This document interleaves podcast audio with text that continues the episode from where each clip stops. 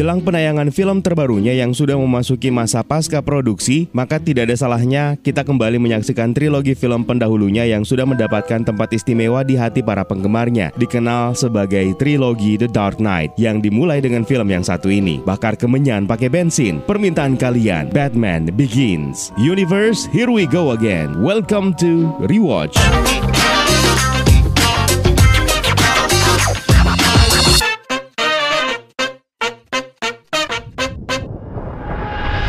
Film ini disutradarai oleh Christopher Nolan, dirilis pada tahun 2005 dan dibintangi oleh Christian Bale sebagai Bruce Wayne alias Batman, Michael Caine sebagai Alfred Pennyworth, Liam Neeson sebagai Andre Descartes alias Ra's al Ghul, Kathy Holmes sebagai Rachel Dawes, Gary Oldman sebagai Sersan James Gordon, Cillian Murphy sebagai Dr. Jonathan Crane alias Scarecrow, Tom Wilkinson sebagai Carmine Falcone, serta ada Morgan Freeman sebagai Lucius Fox. Seperti biasa biasa sebelum kita mulai, kita harus kasih spoiler warning terlebih dahulu agar kalian bisa menikmati cinema experience ketika baru pertama kali akan menyaksikan film yang satu ini.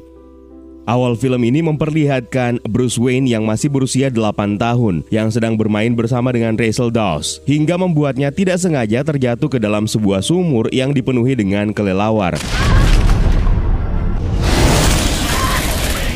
Kita lalu dibawa ke masa sekarang, di mana Bruce Wayne dewasa memimpikan masa kecilnya tersebut di penjara Butan. Setelah menghajar beberapa tahanan yang mencoba mengganggunya, pihak keamanan menggiringnya ke sel di mana di sana sudah ada seseorang misterius yang mengaku bernama Andre Descartes sebagai utusan dari Ra's al Ghul yang mengajaknya bergabung dengan kelompok vigilante elit bernama League of Shadows. Keesokan harinya, Bruce Wayne dibebaskan lalu melakukan perjalanan menuju puncak Gunung Tibet dengan berjalan kaki. Sesampainya di sana, dia bertemu dengan seseorang yang dia duga sebagai Ras Al Ghul dan kembali bertemu dengan Andre Descartes. Bruce Wayne mengaku dia ingin menghilangkan ketakutannya dan Descartes pun memulai pelatihan awalnya yang singkat. Sayangnya, kemampuan Bruce Wayne tidak mampu menandinginya, sehingga dia pun tidak sadarkan diri. Kita lalu kembali dibawa ke mimpi Bruce Wayne di masa lalu. Dia akhirnya diselamatkan oleh Thomas Wayne, ayahnya di dalam sumur. Pasca kejadian jatuhnya di sumur dan menjumpai gerombolan kelelawar, Bruce Wayne ternyata mengalami trauma dan fobia kelelawar yang parah. Thomas Wayne berusaha menghiburnya sambil meminta pendapat Bruce mengenai hadiah kalung berlian yang rencananya akan diberikan untuk istrinya, Martha Wayne. Mereka lalu menuju ke pertunjukan opera Mephistopheles. Ya, Mephisto everywhere. Tapi ini tidak seperti yang kalian kira. Pertunjukan tersebut malah membuat Bruce tidak nyaman karena menampilkan kelelawar yang membuatnya trauma. Akhirnya Thomas dan Martha pun menuruti keinginan Bruce Wayne untuk meninggalkan pertunjukan. Di luar gedung pertunjukan mereka dihadang oleh seorang kriminal yang bernama Joe Chill yang berniat merampok uang dan berlian. Pada akhirnya Thomas dan Martha pun dibunuh di hadapan Bruce Wayne kecil.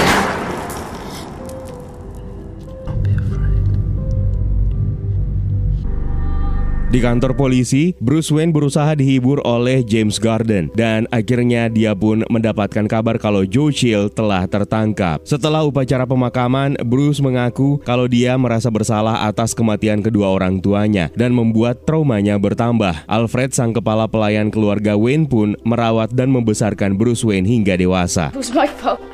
I made you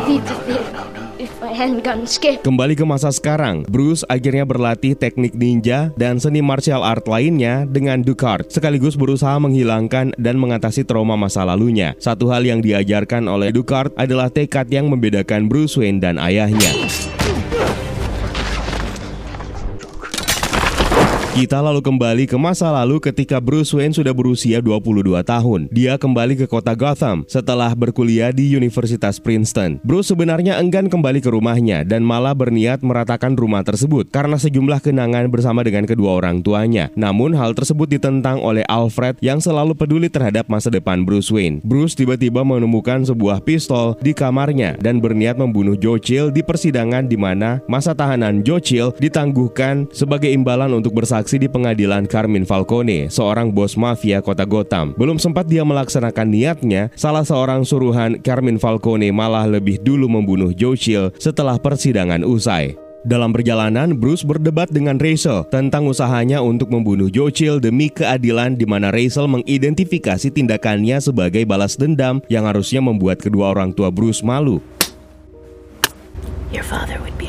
Karena merasa dirinya benar, Bruce menemui Carmine Falcone, seorang diri tanpa senjata. Falcone mengejeknya sambil mendeskripsikan kekuatan mafianya yang berasal dari rasa takut. Dan ketika dihajar oleh para anggota mafia, Falcone mengejek ayah Bruce dan dia pun ditendang keluar dari tempat tersebut. Bruce merasa apa yang dikatakan oleh Falcone ada benarnya, di mana dia tidak mengetahui apa yang sebenarnya dia hadapi. Bruce lalu memberi seorang gelandangan sejumlah uang dan mantel mahalnya dengan meminta mantel milik sang gelandangan.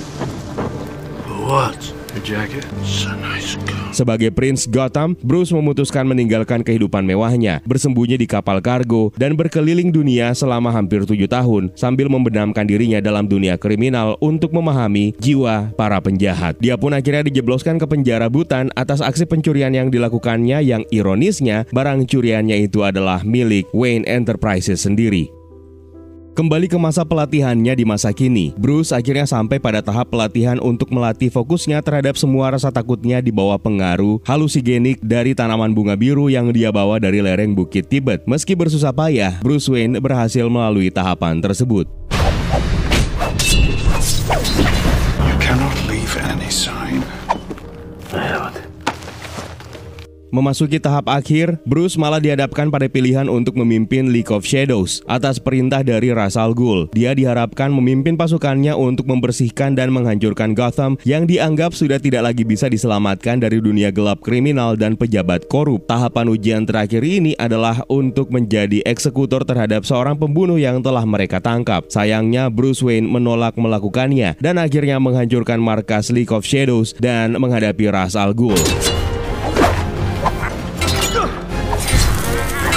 Bruce Wayne berhasil mengalahkan Ra's al Ghul dan menewaskannya, sementara dia menyelamatkan Henry Ducard dari ledakan setelah tidak sadarkan diri tertimpa reruntuhan bangunan.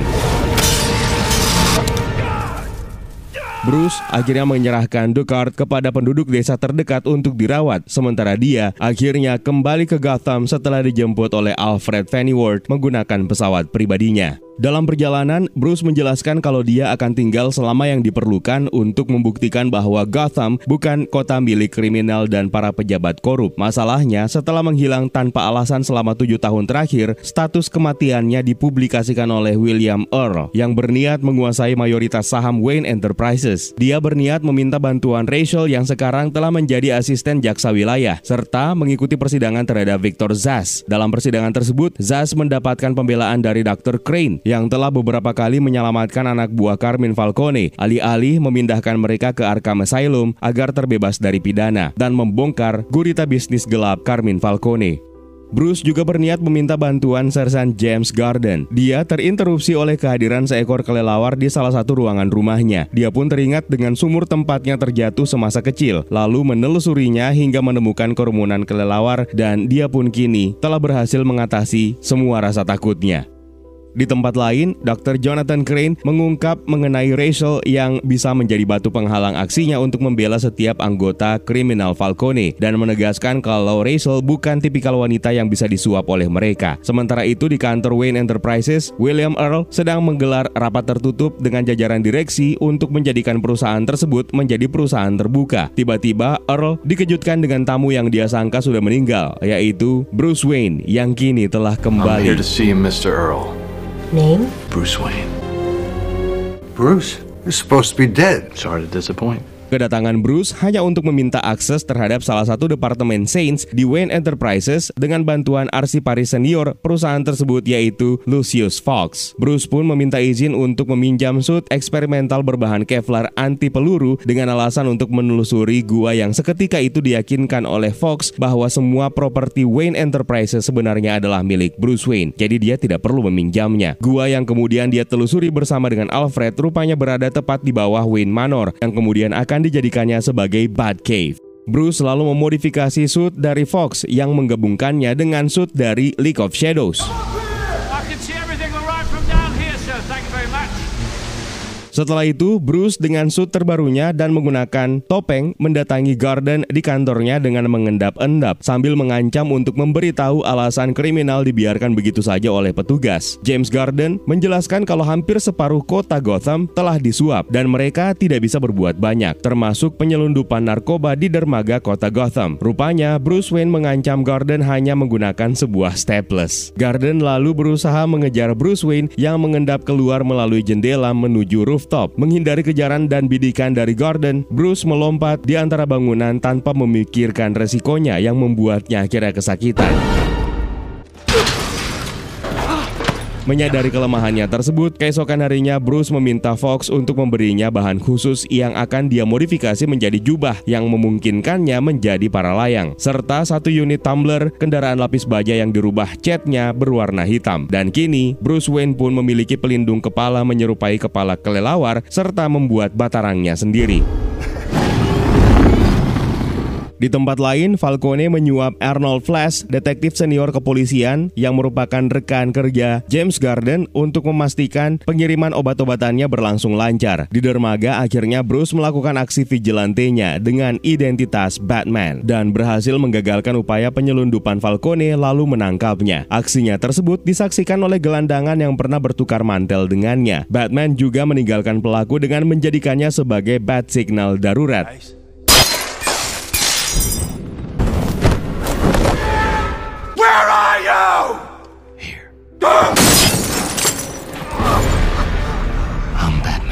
Setelah itu, anak buah Falcone malah berusaha mencelakai Rachel Dawes. Beruntung Batman tiba tepat waktu untuk menyelamatkannya sambil meninggalkan bukti bahwa Hakim telah disuap dan menjadi antek dari Falcone. That's right, we better run. Ah!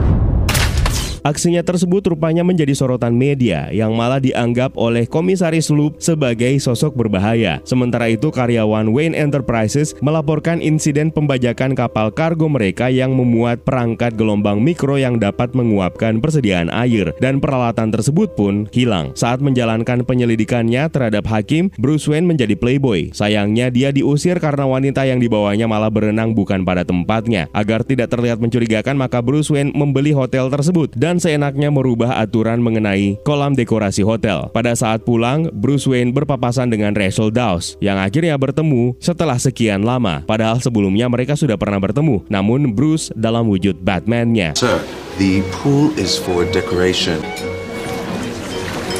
I'm buying this hotel and uh, setting some new rules. Pool area. Sementara di sel tahanan, petugas meminta Dr. Jonathan Crane untuk memeriksa kondisi kejiwaan Falcone untuk memastikan dia tidak sedang berpura-pura gila agar terhindar dari jeratan hukum. Sayangnya, di dalam ruangan, Dr. Crane malah memberi Falcone gas halusinogen yang seketika itu juga membuatnya menjadi gila beneran dan Carmine Falcone pun disarankan untuk dipindahkan ke Arkham Asylum.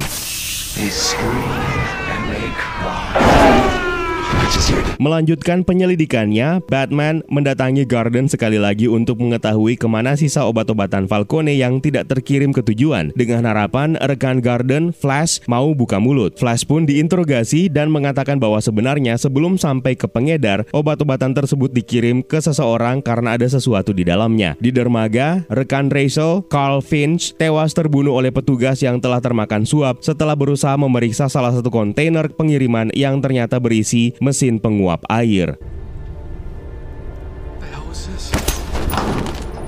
Batman sendiri meneruskan penyelidikannya ke Narrows, tempat obat-obatan dikirim untuk diperiksa. Belum sempat dia mengetahui apa isi dari barang tersebut, Dr. Crane dan pengawalnya datang. Berupaya memberikan perlawanan, Batman malah dilumpuhkan dengan gas halusinogen oleh Dr. Jonathan Crane menggunakan topeng Scarecrow yang membuatnya malah melihat semua trauma dan ketakutan masa lalunya kembali. Oh,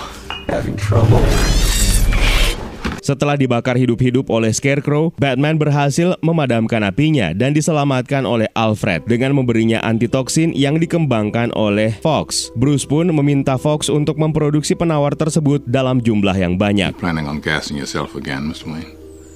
Dua hari kemudian, Rachel berkunjung untuk memberi hadiah ulang tahun kepada Bruce. Rachel harus bergegas ke Arkham Asylum setelah menerima kabar Falcone dipindahkan ke sana tanpa persetujuan. Bruce Wayne pun bergegas ganti kostum untuk menyusulnya. Sementara itu, Fox yang sedang memproduksi penawar yang diminta oleh Bruce malah didatangi oleh Earl dan memecatnya setelah meminta seluruh file mengenai perangkat penguap persediaan air milik Wayne Enterprises. Di Arkham Asylum, Scarecrow meracuni Rachel setelah menunjukkan kepadanya bahwa racun yang ternyata hanya berbahaya dalam bentuk uap sedang disalurkan ke pasokan air Gotham. Batman pun menyergap Scarecrow sambil membalas dengan meracuninya hingga Scarecrow mengungkap kalau dia sebenarnya bekerja untuk Ra's al Ghul. Tentu saja, Batman tidak percaya karena dia telah menyaksikan sendiri Ra's al Ghul telah tewas. Batman lalu bergegas menyelamatkan Rachel, membawanya pergi dengan menghindari kepungan polisi dengan bantuan James Garden dan kerumunan kelelawar yang dipanggilnya.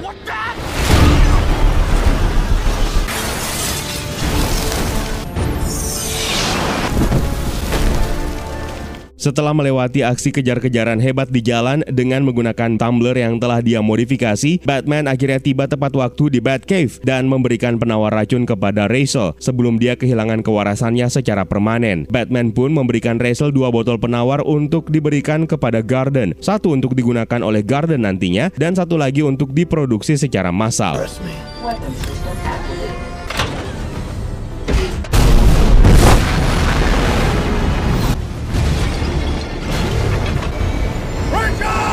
Bruce kemudian bergegas kembali bergabung di pesta ultahnya di Wayne Manor di mana dia dikejutkan dengan kedatangan tamu yang tidak lain sebenarnya adalah Andre Descartes dan sekelompok League of Shadows-nya. Descartes sendiri akhirnya mengungkap kalau sebenarnya dialah Ra's al Ghul yang asli. You're not Ra's al Ghul. Dia juga mengungkap kalau selama ini sebenarnya dia telah bekerja sama dengan Jonathan Crane yang berencana menghancurkan Gotham dengan mendistribusikan racun yang diambil dari bunga biru lereng Gunung Tibet tanpa terdeteksi melalui pasokan air kota Gotham dan kemudian menguapkannya dengan pemancar gelombang mikro penguap air yang telah dicuri dari Wayne Enterprises. Bruce Wayne pun meminta semua tamunya untuk pergi dan berpura-pura mabuk sambil mengejek mereka yang tentu saja membuat mereka, para tamu, kecewa terhadap Bruce Wayne. Dan pertarungan singkat mentor dan murid pun terjadi, melibatkan League of Shadows yang berakhir dengan terbakarnya Wayne Manor dan kekalahan Bruce Wayne setelah tertimpa reruntuhan. Ra's al Ghul memilih meninggalkan Bruce Wayne di tengah rumahnya yang hangus terbakar sebagai bentuk pembalasan setimpal atas apa yang dia lakukan di masa lalu dan bergegas melancarkan misi utamanya. Bruce Wayne sendiri akhirnya diselamatkan diselamatkan kembali oleh Alfred yang dengan berani menerobos kobaran api yang menghanguskan Wayne Manor. What is the point of all those push-ups if you can't even lift a bloody log? Still haven't given up on me. Never. Sementara di tempat lain, tim SWAT yang telah disusupi seluruhnya oleh League of Shadows membebaskan semua tahanan kota Gotham dari Arkham Asylum. Melihat hal tersebut, Sersan Gordon berinisiatif untuk mengisolasi pulau dengan memutus akses jembatan dari segala arah. Sementara Rachel Dawes yang telah kembali sadar menemui Gordon dan memberikan serum penawar racun dari Batman. Rasal Ghul sendiri akhirnya memulai rencananya untuk menguapkan persediaan air Gotham yang telah terkontaminasi racun dengan mengangkut perangkat gelombang mikro penguap air menggunakan sistem monorail ke pusat persediaan air kota Gotham. Sementara itu setelah sembuh dari cederanya, Batman menuju Narrows dengan menggunakan Batmobile atau Bat-Tanknya untuk menghentikan kereta layang yang digunakan untuk mengangkut alat penguap air ke pusat air kota Gotham. Dia tiba tepat waktu sambil meminta Gordon untuk mengembudikan tumbler atau Batmobilnya itu untuk menghancurkan monorail. Sementara Batman menyelamatkan Rachel Dawes dan akhirnya mengungkap kalau dia adalah Bruce Wayne.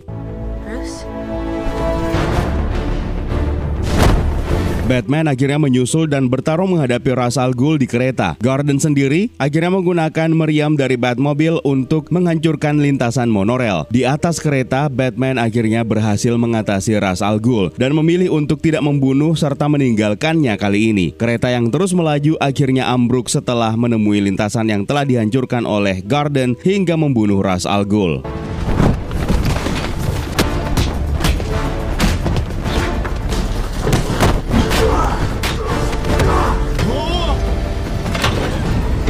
Consider anything about stopping it. Setelah upaya penyelamatan tersebut, Batman akhirnya menjadi pahlawan publik. Bruce akhirnya kini dihargai dan bahkan berhasil mendapatkan cinta dari Rachel Dawes. Sayang, Bruce Wayne menolaknya hingga menunggu waktu jika nanti suatu saat Gotham tidak lagi membutuhkan Batman. Bruce Wayne juga kini berhasil mengambil alih kembali perusahaan ayahnya, Wayne Enterprises, dan mengangkat Lucius Fox sebagai CEO yang memungkinkannya membalas perbuatan William Earl yang telah memecatnya dulu.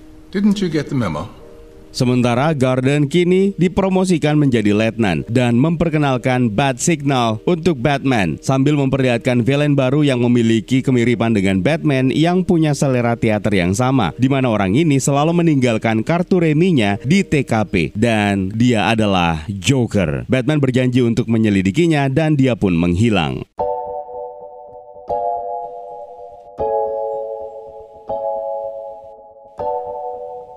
Film ini merupakan salah satu film live action adaptasi komik terbaik bahkan including seluruh installment triloginya. Salah satu hal yang menjadikan film ini menarik adalah dari segi teknis penceritaan, development karakter yang sangat dalam yang tersaji dalam plot maju mundur yang tidak mengganggu cerita sama sekali. Twist yang dihadirkan pun tetap terasa mengejutkan di mana Nolan sempat mengelabui kita mengenai sosok Ra's al Ghul yang sebenarnya. Ken Watanabe malah dipoles sedemikian meyakinkannya sebagai Ra's al Ghul. Meski terkesan konyol di awal karena dia kalah dengan mudah bahkan sebelum Bruce Wayne bertransformasi menjadi Batman. Sebenarnya kita menemukan kesamaan signifikan yang menjadi ciri khas Ra's al Ghul yaitu pada bagian brewok atau janggutnya. Ra's al Ghul sendiri pertama kali debut di komik Batman isu nomor 232 yang dirilis pada bulan Juni tahun 1971. Nama timnya sendiri di komik adalah League of Assassins. Ra's al Ghul sendiri dalam bahasa Arab diartikan sebagai Demon Head dan karakter ini sebenarnya terinspirasi dari Fu Manchu. Pemeran utama untuk Ra's al Ghul dalam film film ini sebenarnya adalah Liam Neeson meskipun di awal atau di dua per 3 film pertama karakter ini menyamar sebagai Henry Ducard, seorang ninja yang melatih Bruce Wayne untuk mempelajari seni bela diri. Ducard sendiri sebenarnya bukan karakter yang dibuat oleh sang filmmaker, melainkan berasal dari komik di mana karakter ini sebenarnya tidak begitu jelas. Dia adalah seorang pembunuh Perancis yang muncul sebentar dalam komik The Man Who Falls, salah satu inspirasi komik utama untuk Batman Begins, dan juga sempat muncul dalam tiga bagian alur cerita Blind Justice ketika mengungkap identitas aslinya sebagai Ra's al Ghul menjelang akhir film, Ra's al Ghul mengatakan kalau dirinya immortal. Sebenarnya ini merupakan hal yang benar dan dia tidak berbohong di mana dalam komik usia Ra's al Ghul sebenarnya sekitar 600 tahun di mana yang membuatnya bisa berusia sepanjang itu akibat penggunaan Lazarus Pit. Film ini sendiri jelas terinspirasi dari komik yang dibuat oleh Frank Miller, The Dark Knight Returns, serta mengambil inspirasi dari komik karya Jeff Loeb dan Tim Sale yaitu Batman The Long Halloween yang bahkan bisa dibilang memainkan peran yang jauh lebih besar dalam film ini dan menginspirasi seluruh trilogi Nolan. Dimulai dengan adegan di mana Bruce Wayne muda jatuh ke dalam sumur dan menimbulkan ketakutan bahkan fobia terhadap kelelawar untuk Bruce Wayne. Ini adalah momen transformatif untuk karakter tersebut yang mana faktanya momen ini diambil langsung dari The Dark Knight Returns dan skenario yang serupa juga terjadi dalam film karya Joel Schumacher pada tahun 1995 Batman Forever. Perubahan signifikan terjadi pada saat momen tragedi pembunuhan Thomas dan Martha Wayne di hadapan Bruce Wayne kecil. Dalam komik, kejadian ini terjadi setelah mereka baru saja menonton sebuah film. Sementara di Batman Begins ini, Thomas dan Martha Wayne dibunuh setelah mereka menghadiri sebuah acara pertunjukan opera Mephistopheles. Perjalanan Bruce Wayne ke Tibet sambil mempelajari teknik ninja seperti yang diceritakan di awal film sebenarnya terinspirasi dari komik Batman isu nomor 431 karya James Lee beralih ke tragedi pembunuhan orang tua Bruce Wayne. Namanya adalah Joe Chill, yang merupakan karakter yang pertama kali muncul dalam Detective Comics isu nomor 33 yang dirilis pada tahun 1939. Namanya juga kembali disebut di Batman isu nomor 47 tahun 1948. Joe Chill ini adalah pembunuh orang tua Bruce Wayne dalam DC Comics yang mana di komik ketika hendak membalas dendam, Bruce Wayne mengungkap identitasnya kepada Joe Chill ini. Kematian Thomas Wayne dan Martha Wayne sendiri sebenarnya juga menyimpan detail penting yang tetap dijaga oleh Christopher Nolan. Kalung berliannya juga berhamburan di jalan, sama seperti yang dipresentasikan oleh Zack Snyder dalam Batman v Superman Dawn of Justice, dan juga terjadi dalam komik. Lalu kita bertemu dengan Commissioner Luv, di mana karakter ini sebenarnya muncul dalam Batman isu nomor 404. Karakter ini sebenarnya adalah nama yang digunakan sebagai penghormatan untuk Jeff Loeb. Dalam komik, Commissioner Loeb sendiri adalah petugas yang bus busuk yang bekerja sama dengan beberapa gembong kriminal. Sementara di sini ini, Commissioner Loop adalah petugas yang melawan aksi vigilante. Ketika Bruce Wayne menelusuri gua misterius di bawah Wayne Manor, Bruce Wayne kembali bertemu dengan kerumunan kelelawar. Ini sebenarnya merupakan terapi alami yang disebut dengan exposure, di mana pasien dihadapkan pada sumber ketakutan aslinya. Gua ini sendiri akhirnya dijadikan sebagai Batcave yang pertama kali dibuat pada komik Detective Comics isu nomor 83 yang dirilis pada tahun 1944. Berikutnya ada Jonathan Crane alias Scarecrow yang pertama kali muncul dalam World's Finest Comics isu nomor 3 yang dirilis pada tahun 1941. Sama dengan sumbernya, Dr. Crane adalah psikiatris dari Arkham Asylum. Ketika pertama kali berhadapan dengan Scarecrow, adegan tersebut sebenarnya mengambil referensi dari Batman The Animated Series dalam episode Nothing to Fear yang kebetulan juga film ini sebenarnya mengambil tema utama fear atau ketakutan. Berikutnya salah satu anggota dewan direksi Wayne Enterprises diperankan oleh John Nolan. Dia bernama Douglas Frederick. John Nolan ini sebenarnya adalah paman dari Christopher Nolan. Dan kita juga bertemu dengan salah satu karakter penting di sepanjang film yang bernama Lucius Fox yang diperankan oleh Morgan Freeman. Karakter ini sendiri pertama kali muncul dalam komik isu nomor 307 pada tahun 1979. Di sini kita juga bertemu dengan James Garden, karakter yang pertama kali muncul dalam Detective Comics isu nomor 27 yang dirilis pada tahun 1939. Dia punya partner dalam film ini yang bernama Arnold Flash, karakter yang muncul dalam komik Batman Year One Part 1. Ketika menangkap Carmine Falcone, Batman mengungkap dirinya I'm Batman. ini adalah sebuah callback ke karya Tim Burton yang diperankan oleh Michael Keaton. I'm Batman. Dan juga ada sebuah penampilan cameo dari aktris Lucy Russell yang pernah bermain dalam film Following yang juga kebetulan disutradarai oleh Christopher Nolan dan itu adalah film pertamanya. Dalam adegan penyergapan di sebuah gedung oleh tim SWAT di mana di dalamnya ada Batman, Batman menggunakan gelombang sonar untuk memancing kedatangan gerombolan kelelawar. Sebenarnya ini merupakan referensi ke komik Frank Miller Batman Year One yang menampilkan kejadian serupa. Film ini juga menampilkan salah satu villain terkenal dari komik Batman, yaitu Victor Sass. Penampilannya sendiri terakhir kita lihat dalam film Birds of Prey and the Fantabulous Emancipation of One Harley Quinn, namun dimainkan dengan pemeran yang berbeda. Victor Sass sendiri merupakan karakter yang sangat sadis, di mana dalam komik setiap menghabisi salah satu korbannya, maka dia akan menaruh goresan di sekujur tubuhnya. Goresan bekas luka tersebut juga sempat terlihat ketika Victor Sass baru saja keluar dari Arkham Asylum.